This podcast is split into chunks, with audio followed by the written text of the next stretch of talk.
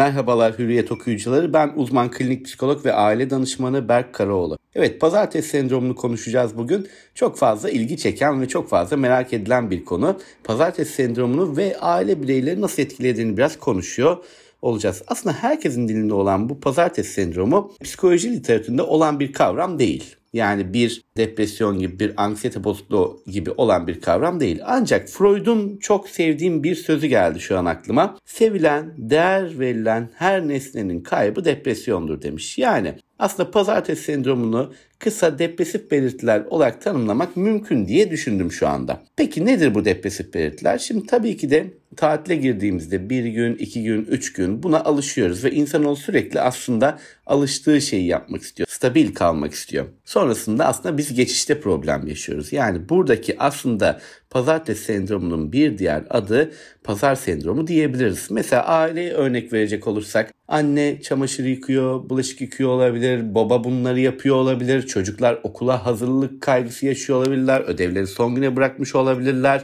Anne veya baba yine pazartesi günkü iş yaşantılarını düşünüyor olabilir. O açıdan pazar günü zaten bunların endişesini yaşıyor oluruz. Aslında pazartesi günü zaten işe alışmış durumda oluyoruz genellikle öğleden sonra ama pazarla pazartesi arasındaki geçişte bir takım problemler oluyor. Peki ne yapabiliriz? Özellikle aile bireylerinin etkilediği bu noktada ne yapabiliriz? Bu işi, bu hazırlıkları aslında haftaya yayabiliriz. Ya da pazartesi biraz daha sabahları erken kalkabiliriz. Tabii ki bunu uyku düzenimizi bozmamak kaydıyla işlerimizi örnek veriyorum cumadan cumartesiden halledebiliriz. Yani pazara aslında bir şeyi bırakmamaya çalışırsak biraz daha rahat olacak gibi gözüküyor. Yani pazartesi sendromuna şöyle baktığımızda aslında bizi mutsuz eden bir takım tetikleyenler kümesi diyebiliriz. Tetikleyen kümesini ele aldığımızda bunları azalttığımızda zaten pazartesi sendromu diye bir şey kalmayacaktır diye düşünüyorum. Ama tabii ki geçişler zordur, tabii ki başlangıçlar zordur.